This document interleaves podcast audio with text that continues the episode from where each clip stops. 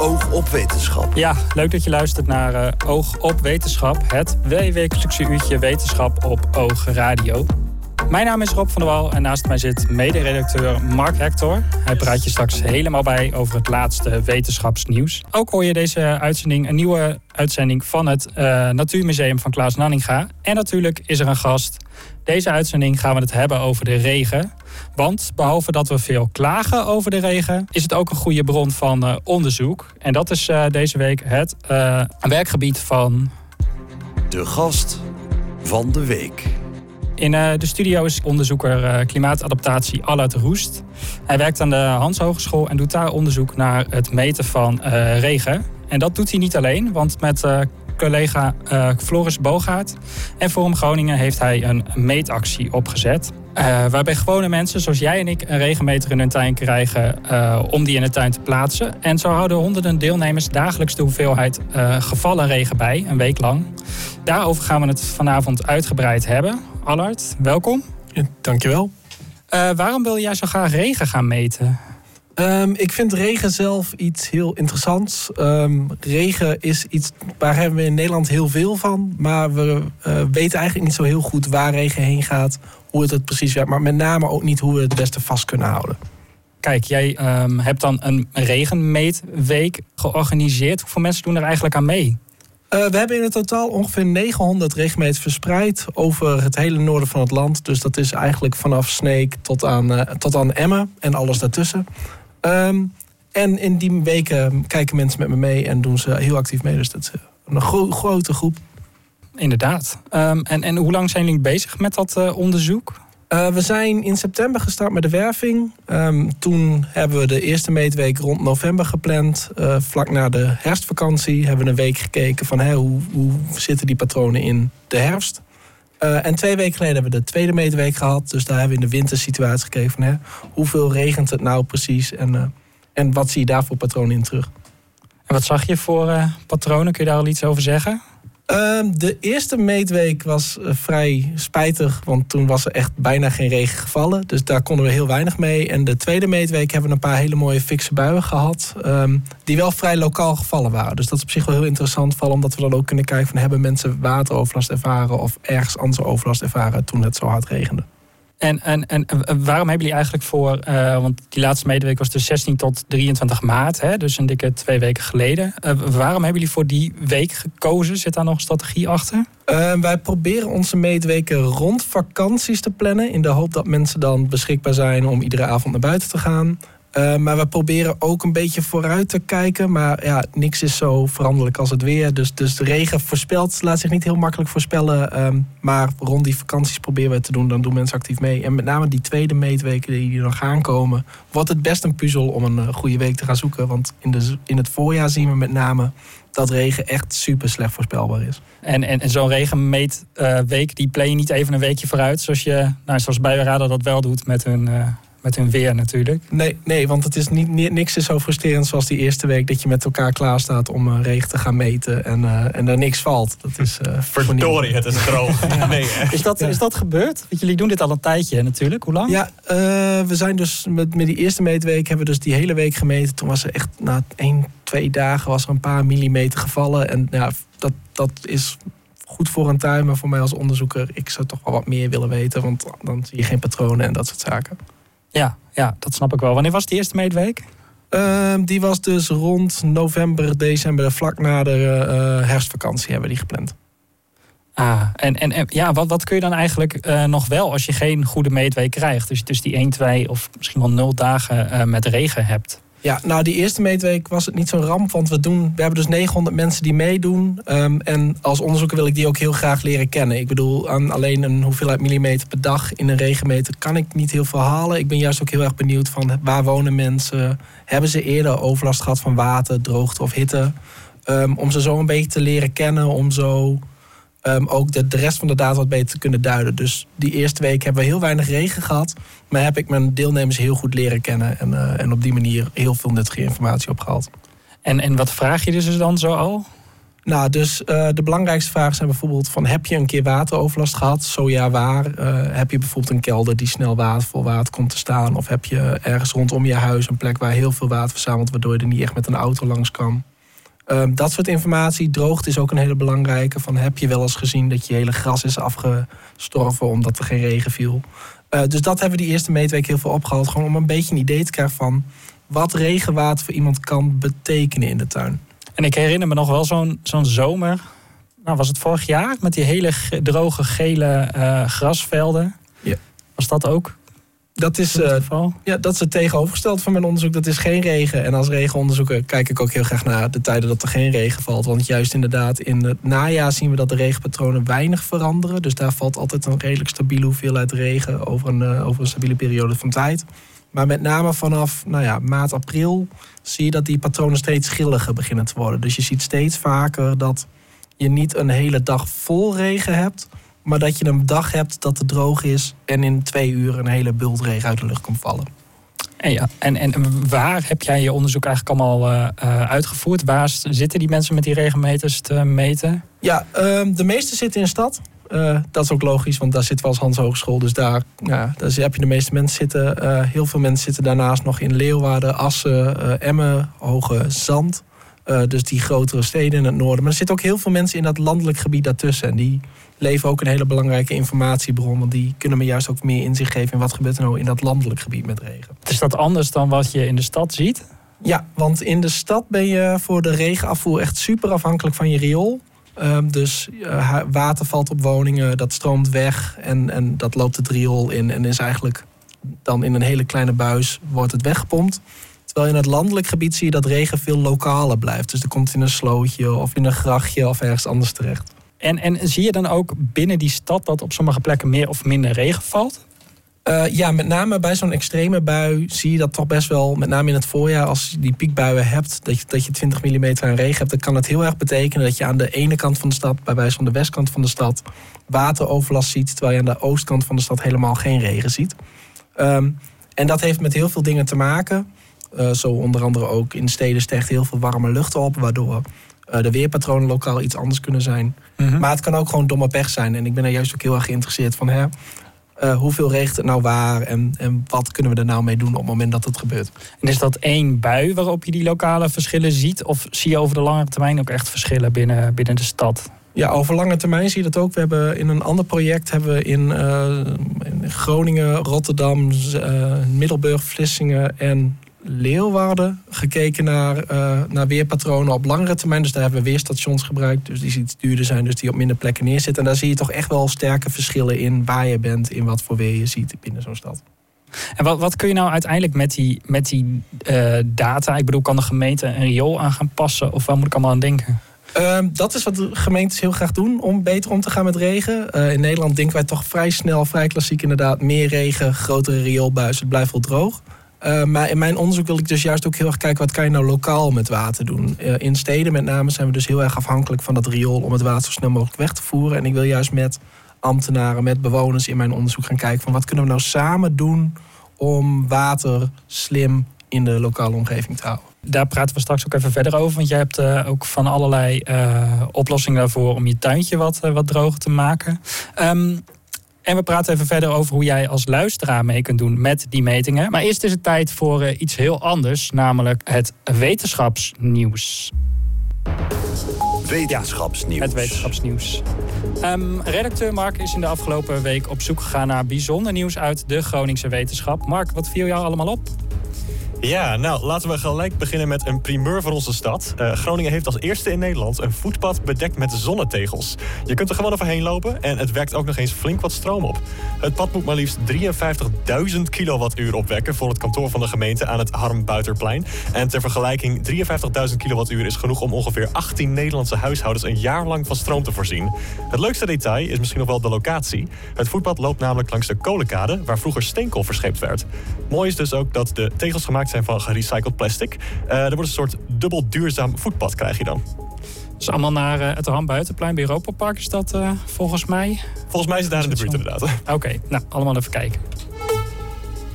Ja, en dan bij het maken van een fietsenkelderingang stuitte men op een ondergrondse verrassing van meer dan 700 jaar oud. Er is namelijk een 13e eeuwse kloostermuur ontdekt midden in de binnenstad. Het klooster stond vroeger op de plek waar nu de universiteitsbibliotheek staat. Er is hier een bijzondere link met de Rijksuniversiteit Groningen. Eh, Binnen deze gevonden kloostermuur werd namelijk in 1614 de Rijksuniversiteit opgericht. De straat waar nu dus de universiteitsbibliotheek en het academiegebouw staan, is een verwijzing naar dit klooster. Dat ook al bekend stond als het Minderbroedersklooster. Dus nu weet je waar de naam Broerstraat vandaan komt. De muur blijft helaas niet zichtbaar. Na wat archeologisch onderzoek wordt het afgedekt met een plaat.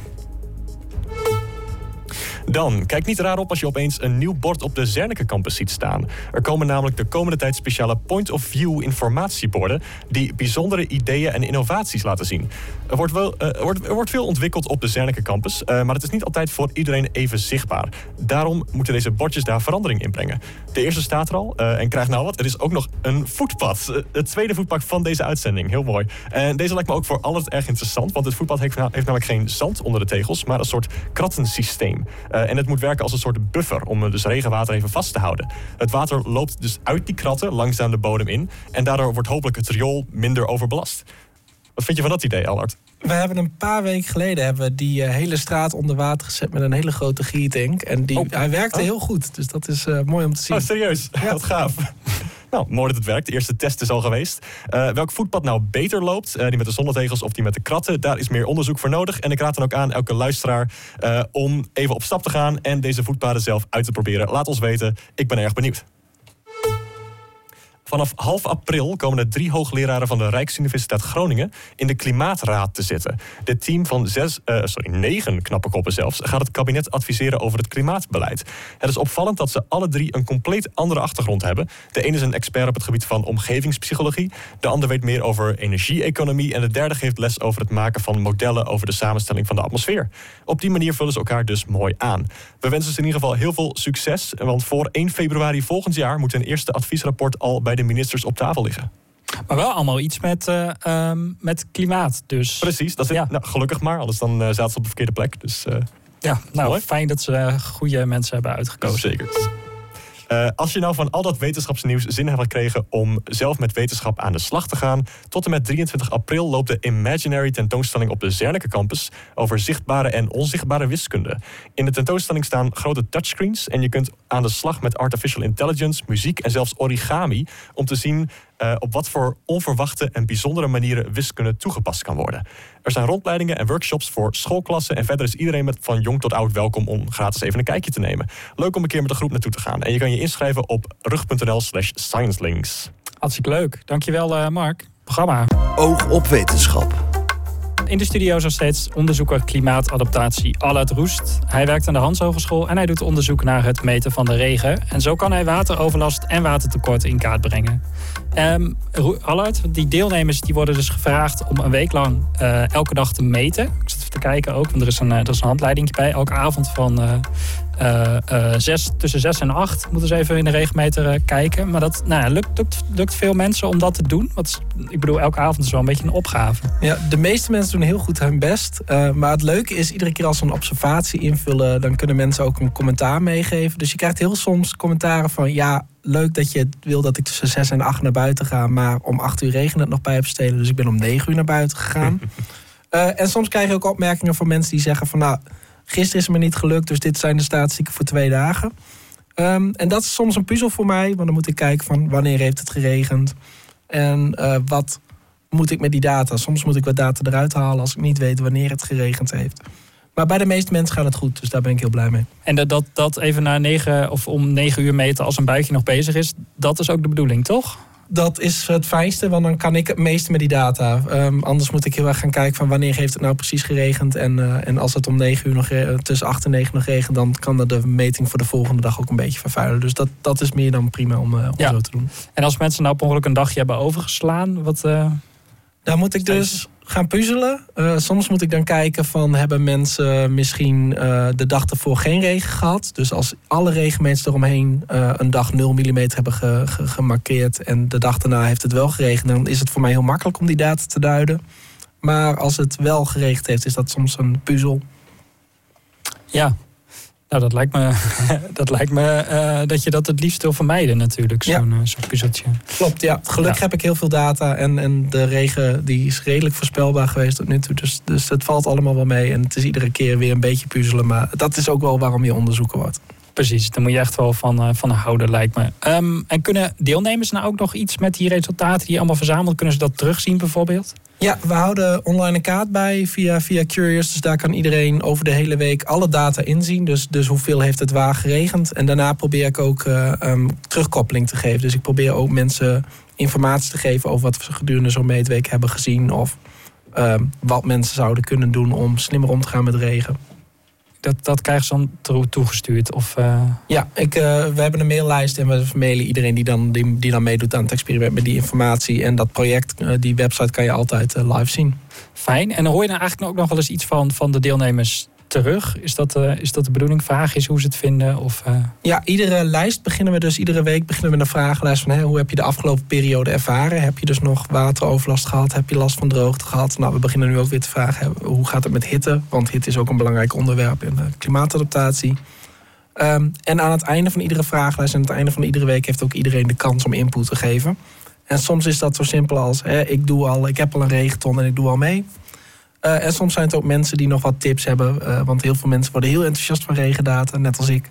Eh, die denken graag mee wat ik kan doen in de verwerking.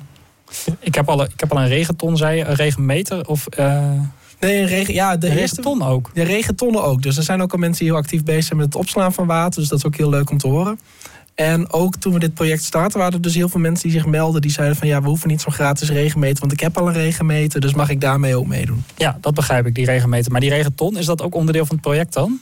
Ehm, nou ja, regenton is dus een manier om slim om te gaan met regenwater. Dus die mensen die, die, die, die doen al iets om, om regen vast te houden. Zodat ze ten tijde van droogte wat over hebben. Dus dat, eh, dat is leuk om door te geven dan. Ja, en zo zijn er vast nog wel meer, eh, meer van die dingen. Gaan we het straks nog over hebben. Ehm, over die kaart van het Curious-project, waar jullie regenmetingen dus op staan, maar ook nog een hele andere eh, aantal metingen. Eh, daar heeft eh, de gast van vorige week wat over gevraagd, historicus Sven Grins. Ik heb even gekeken naar het kaartje van het Curious project.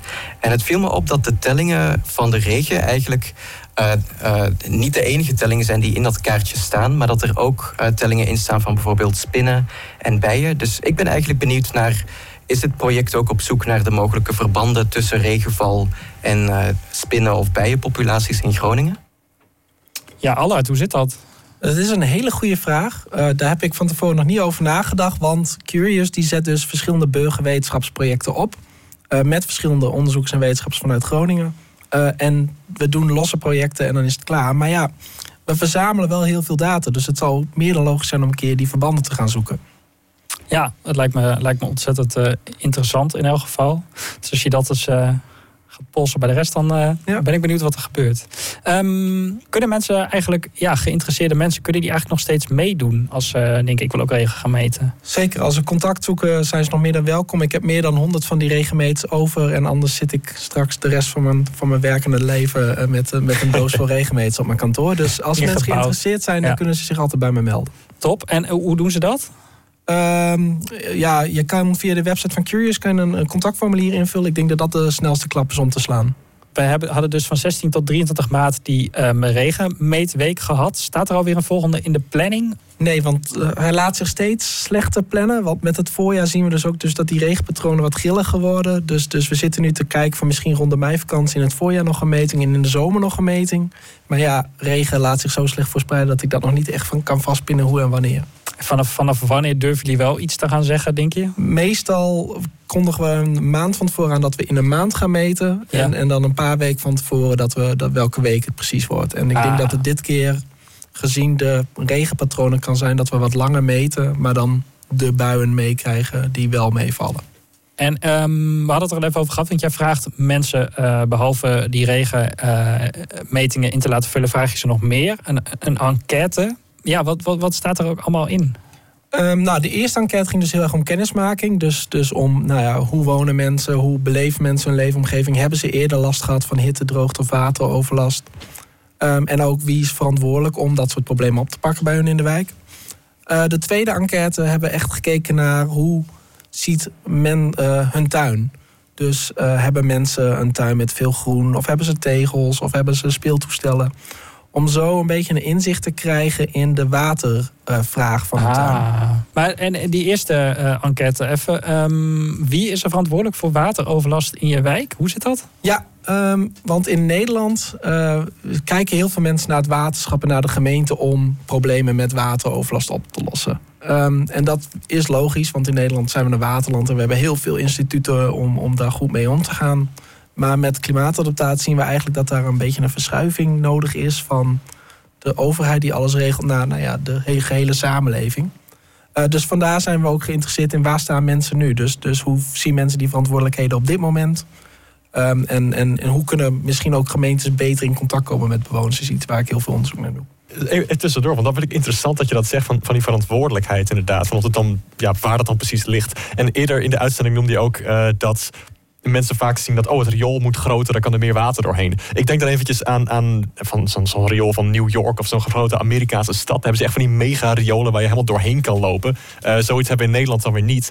Dan, Zou ik, wel ik weet niet vet of, Hm, dat zou wel heel vet Ja, zijn heel eigenlijk. vet. Ja, misschien zie je nog schildpadden daar beneden. Dat zou super gaaf zijn. Maar echt, het, het, ik vraag me af van, van, weet je daar iets van? van? Zit dat verantwoordelijkheidsgevoel, ligt dat heel anders in andere landen? En, en staat het ook in relatie met, de, met, met hoe groot het riool is, het diameter? Kun je daar een formule voor opstellen, denk ik haast? Oh. Dat is wel heel interessant. Ehm, ik, in mijn onderzoek, de Nederlandse riool kan ook best groot zijn trouwens. Onder het Oh ja? Zuiderdiep ligt het hoofdriool van de stad. Daar kan je ook gewoon, gewoon staan en Oh. lopen. Dus het is, het, het is in Nederland hebben we ook best wel indrukwekkende riolen. Dat, is, eh, dat moet ik even gezegd hebben. Ik moet een keertje ondergronds op stap gaan, geloof ik. dat? Zeker. Weet je dat? Ehm, Een zijpaadje. Een paar jaar geleden hadden ze een open dag. Dus daar hadden ze ook eh, het riool opengezegd. Volgens mij was dat ook op een of andere speciale dag. Eh, ik, sindsdien heb ik het nooit meer gehoord. Dus ik zou ook heel graag een keer ondergronds willen. Dus, eh, ik hoop wel dat het alleen het regenwaterriool is trouwens. Eh, Ja, het is het hoofdriool. Dus er gaat ook dat andere doorheen. Maar dat is verdund ja. en het ruikt en het stinkt niet. Dus de riolen zijn op zich redelijk... niet? Nee, het is redelijk, redelijk schoner in de riolen. Het, het, is, het is allemaal zo snel mogelijk leeg. En heel veel regenwater, dus het spoelt ook lekker door. Oké, Oh, oké, dan durf ik wel even te kijken, Ja. denk ik. volgens mij. Maar eh, je ziet in andere landen dus wel dat er echt on, andersom wordt gegaan met regenwater. Je hebt bijvoorbeeld in België eh, wordt al veel meer gezegd... bij nieuwbouw moeten woningen water opslaan. Want daar heb je eh, al langer te maken met watertekorten.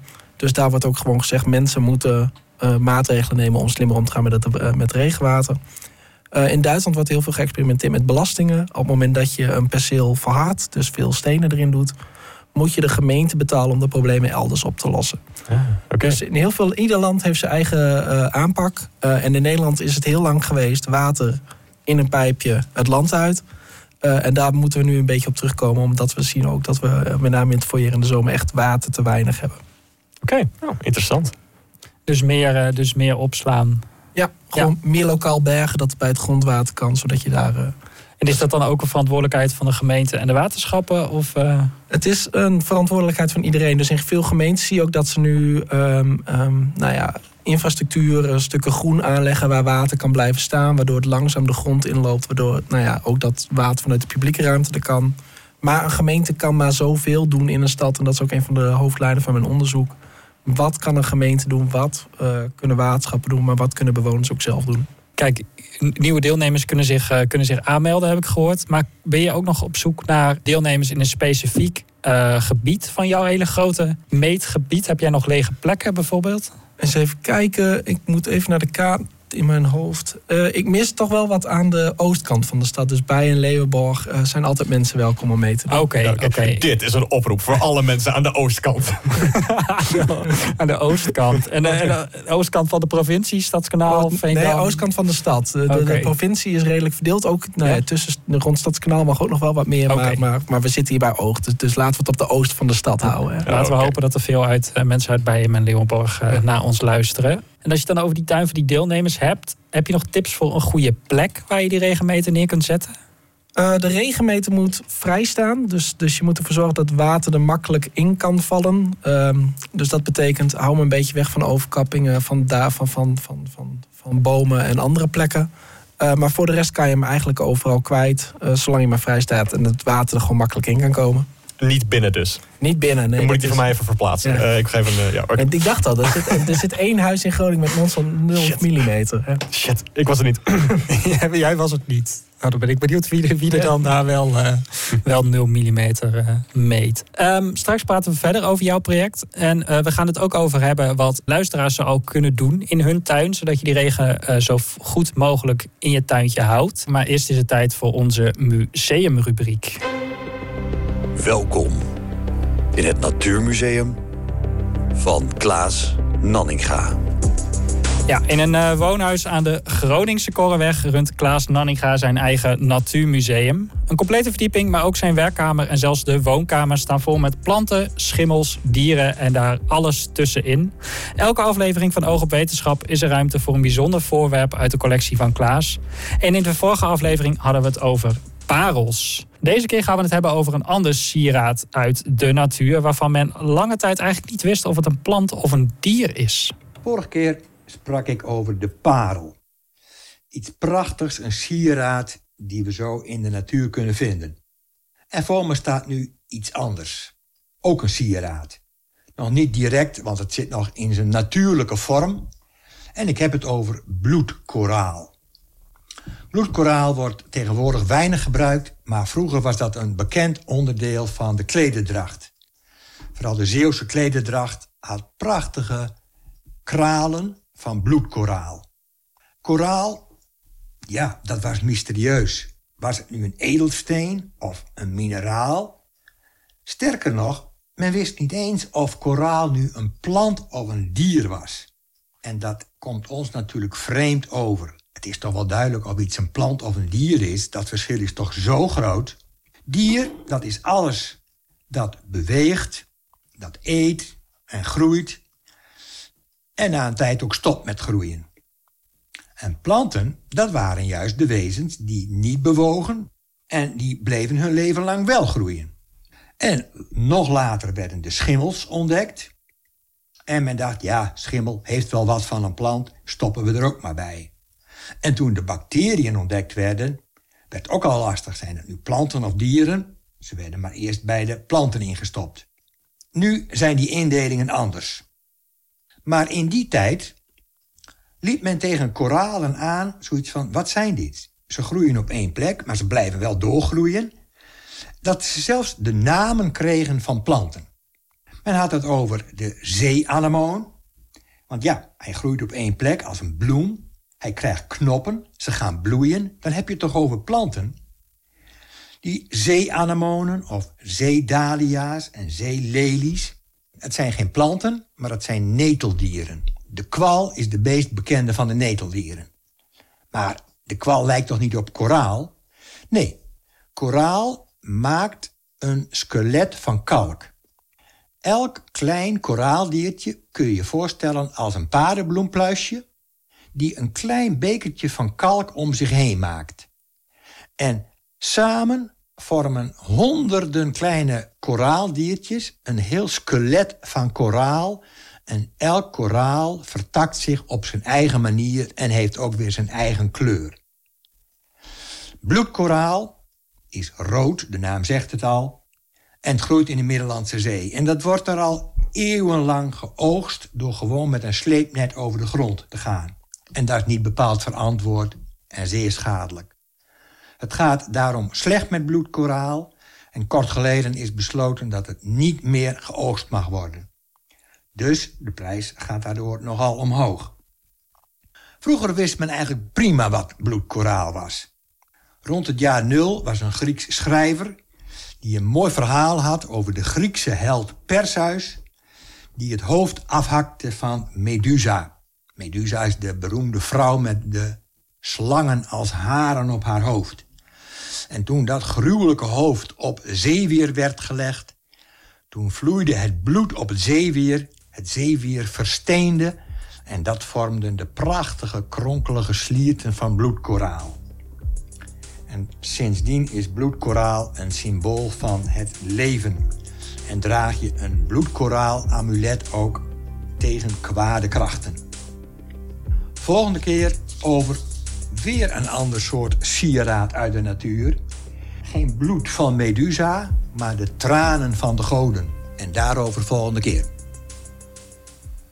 Over twee weken een nieuwe aflevering van het Natuurmuseum. En kun je nou geen genoeg krijgen van deze verhalen? Ga er vooral eens op bezoek bij Natuurmuseum Klaas Nanninga. Het museum aan de Korweg 70 is van maandag tot en met zaterdag op afspraak geopend. Ook s'avonds. En de telefoonnummer van Klaas en meer informatie is te vinden op klaasnanninga.nl. Oog op wetenschap. Bij ons de gast is nog steeds klimaatonderzoeker uh, Allard Roest. En met zijn project Meet de Regen brengt hij samen met burgers met een regenmeter wateroverlast in kaart. En jij werkt ook aan klimaatadaptatie, oftewel het aanpassen van de omgeving aan uh, klimaatverandering. Wat moet je dan met regenwater? Um, in klimaatadaptatie zien we dus regen niet meer als een bron van overlast, maar juist als een soort van bron van water. Uh, dat kan zijn water voor je tuin, dat kan zijn water om je toilet door te spoelen. Um, maar het komt veel dichter bij, uh, bij het drinkwater uit je kraan. Het komt dichter bij drinkwater uit je kraan? Ja, qua gebruik. Dus, dus tegenwoordig, uh, voor veel mensen is regenwater iets wat je zo snel mogelijk van je perceel af wil krijgen. Um, en wordt dat een beetje gezien als een afvalstof. Maar met klimaatadaptatie zien wij regenwater meer als een grondstof. Ah, okay. Nuttig voor de plantjes. Nuttig voor de plantjes, nuttig voor nou ja, het, uh, je auto schoonmaken kan je bijvoorbeeld prima met regenwater in plaats van met kraanwater doen. Uh, je kan er heel veel mee, behalve alleen uh, je tuinwater geven. Aha, dan ken ik de regenton om het in op te slaan, maar daar is vast nog wel meer voor te verzinnen. Er zijn de wereld aan oplossingen op het gebied van klimaatadaptatie. Een regenton is een hele goede, want via een regenton kan je dus heel goed water vasthouden in je tuin en het gebruiken op het moment dat je het nodig hebt. Uh, sommige mensen nemen het nog een stapje verder. Die gaan echt uh, van die tonnen van een kubieke meter ingraven in de tuin met een pomp eraan vast. Um, en als je dat dan filtert, kan je regenwater bijvoorbeeld gebruiken voor je toilet om dat door te spoelen. Uh, je kan echt heel veel doen. Um, een ander voorbeeld is een wadi. Dat is een verlaagde groengreppel. als het water van je dak daarheen loopt, dan kan het heel natuurlijk wegzakken. Je kan het zo gek niet bedenken en je kan het met regenwater. Wauw. En um, ik, ik ken van die verhalen van, of, of, of beelden van uh, dat je water een tijdje opslaat en dat het dan helemaal groen wordt en gaat stinken en zo. Hoe zorg ik ervoor dat dat niet gebeurt? Dat mijn water ook echt uh, goed blijft? Uh, bij een, bij zo'n systeem wat je, waarbij je het water kan gebruiken voor bijvoorbeeld toiletspoeling zit daar filtering vooraf. Dus dat betekent dat het water door een paar filters wordt geleid. Uh, en wat gebeurt eigenlijk hetzelfde als met drinkwater. Ja, de kwaliteit blijft minder dan drinkwater, maar daardoor wordt het water niet meer actief. En voordat het het huis in gaat, wordt het opnieuw gefilterd. Dus het water is dan schoon genoeg om door je toilet te gaan. Niet schoon genoeg om te drinken, maar wel genoeg om, uh, om door je toilet te gaan. Dat, uh, dat is eigenlijk ook wel bijzonder dat wij onze wc's doorspoelen met gewoon drinkwater eigenlijk. Van, je, hebt, je hebt ook andere type wc's van bijvoorbeeld uh, in het vliegtuig. Daar heb je helemaal geen water bij nodig. Dat is ja, een beetje zonde eigenlijk. Ja, ja, en in Nederland zijn we heel, we gewoon heel goed, heel goedkoop kraanwater. En je hoort nu ook wel steeds meer en meer vandaag ook in het nieuws dat we, dat we de bronnen van kraanwater een beetje op beginnen te raken. Maar dat komt doordat we kraanwater voor alles gebruiken, terwijl we kraanwater niet voor alles nodig hoeven te hebben. Ik las het inderdaad, want de overheid wil terug naar maximaal 100 liter per persoon op een dag op termijn. En nu zitten we op. Op veel uit je hoofd? Ja, dat weet ik niet uit mijn hoofd. Veel. Wel veel meer dan, veel 300, meer dan 300 liter. Ja. Ik kan me voorstellen dat dus het, het opvangen van regenwater daar wel, uh, wel aan bij kan dat dragen. kan er zeker aan bijdragen. Want nou ja, je kan, als je één keer filtert, kan je dus je regenwater gebruiken voor toiletspoeling. Maar met andere filters kan je bijvoorbeeld ook regenwater gaan gebruiken om te douchen. En je kan ook uh, het water van je douche opvangen, lokaal zuiveren. En weer voor bijvoorbeeld je toiletspoeling, uh, voor je autowassen gebruiken. Je kan heel veel met water als je niet meer denkt van water is water. Water komt uit de kraan en gaat daarna weg je kan echt een hele keten aan water rond je huis ook realiseren. En hoe eenvoudig is het om dat soort maatregelen te gaan toepassen in je huis? Want ik hoor al over filters en, en zuiveringstechnieken. Of, uh... Die zijn momenteel dus nog vrij prijzig. Vooral ook als je kijkt naar de terugverdientijd. Dat is met klimaatadaptatie sowieso een heel lastig verhaal. Um, veel investeringen die zijn met name voor nou ja, uh, grondwateraanvulling en dat soort dingen. Dus daar zijn niet harde euro's op te zetten. Maar zo'n zo'n zo'n systeem heb je voor een paar duizend euro. Maar ja, als je kijkt dan vervolgens hoe duur kraanwater is, dan duurt het tientallen jaren voordat je 10 tot 20 jaar voordat je die investering hebt terugverdiend. Dus dat is best een hele lange tijd. Ja, dat is, uh, dat is nogal best wel, een, uh, best wel een tijdje. Maar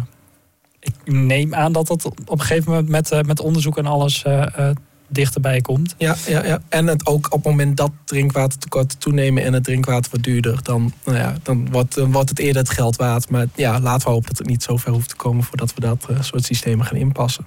Dat hoop ik ook. Um, jullie doen ook onderzoek naar het vasthouden van water in tuinen. Je noemde al even die enquêtes waarin je vroeg uh, wat mensen allemaal in hun, uh, in hun tuin hebben staan. Hoe pakken jullie dat aan?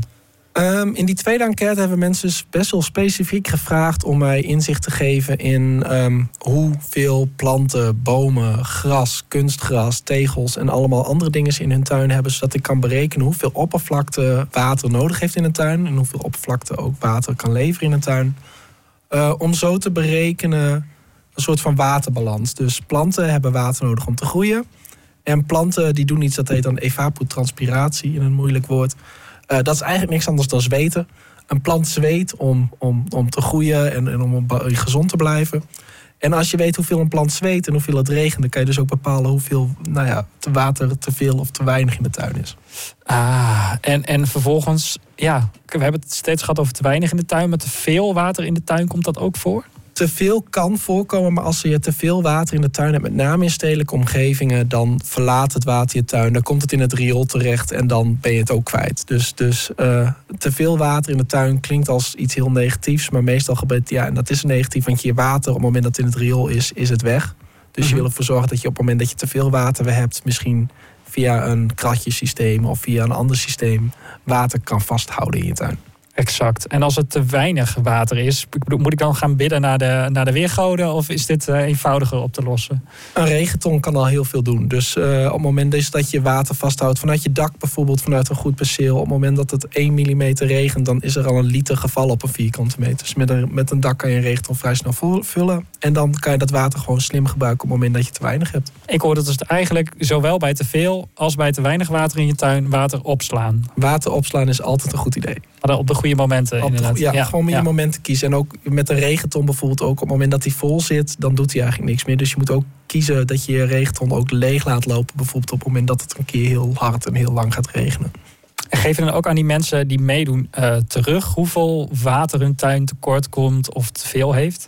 Uh, daar ben ik nu mee bezig. Het is een vrij complexe berekening. Want nou, die berekeningen op het gebied van evapotranspiratie die worden met name toegepast in de landbouw. Waarom? Uh, landbouw heb je gewoon euro's die je er tegenover kan zetten. Op het moment dat je een watertekort hebt, wil je irrigeren. Dus dan wil je water van elders aanvoeren. Dus dan heb je die berekeningen nodig om je, om je, om je akker te laten groeien.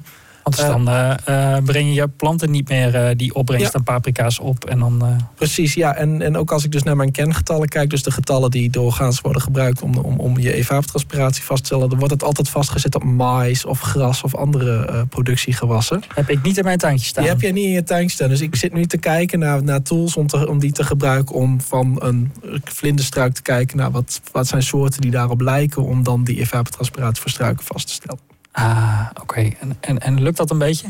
Het is een, uh, een fikse puzzel, maar ik denk dat ik een manier heb gevonden om het te doen. Dus we, we gaan hopen dat het, uh, dat het gaat werken. ik zie je letterlijk uh, je, je vingers gekruist ja, houden. vingers gekruist houden, ja. Dat is, Kun jij het tipje van de sluier oplichten over hoe zo'n methode eruit ziet?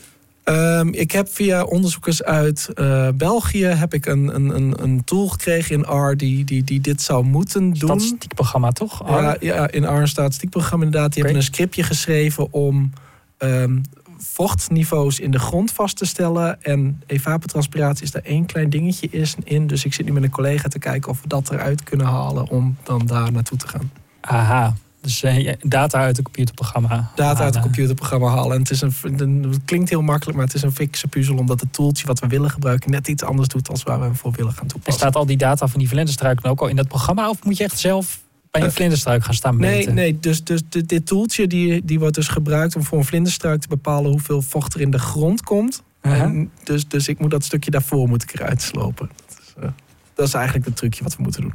Oké, oké. Um, we hadden het al gehad over ja, waterdicht doek. Nou, waterdicht doek. Waarom waterdicht doek in je tuin? Ja, dat is uh, heel leuk. Want uh, je ziet dat bij heel veel nou ja, watergekkies zoals ik. Uh, zie je dat, dat mensen dat steeds meer en meer doen. Dus dat is bierkratjes bewaren. en die dan een groot gat in je tuin graven. Waterdicht doek op de bodem leggen. Die kratjes daarin leggen en dat daarna inwikkelen en een pomp erin doen. Op die manier kan je best wel heel veel water opslaan in je tuin. En heb je ook nog eens iets aan al die lege kratjes rond je huis. Dit heb jij dus uh, gedaan in je tuin? Of, uh... Nou, ik heb in mijn eigen tuin heb ik, uh, heb ik al mijn tegels eruit gehaald. En die heb ik kapot geslagen om ook van die grote holle ruimtes te krijgen. Dus, dus, dus, ik heb heel veel ruimte in mijn tuin gebouwd om, om, om ook water vast te houden.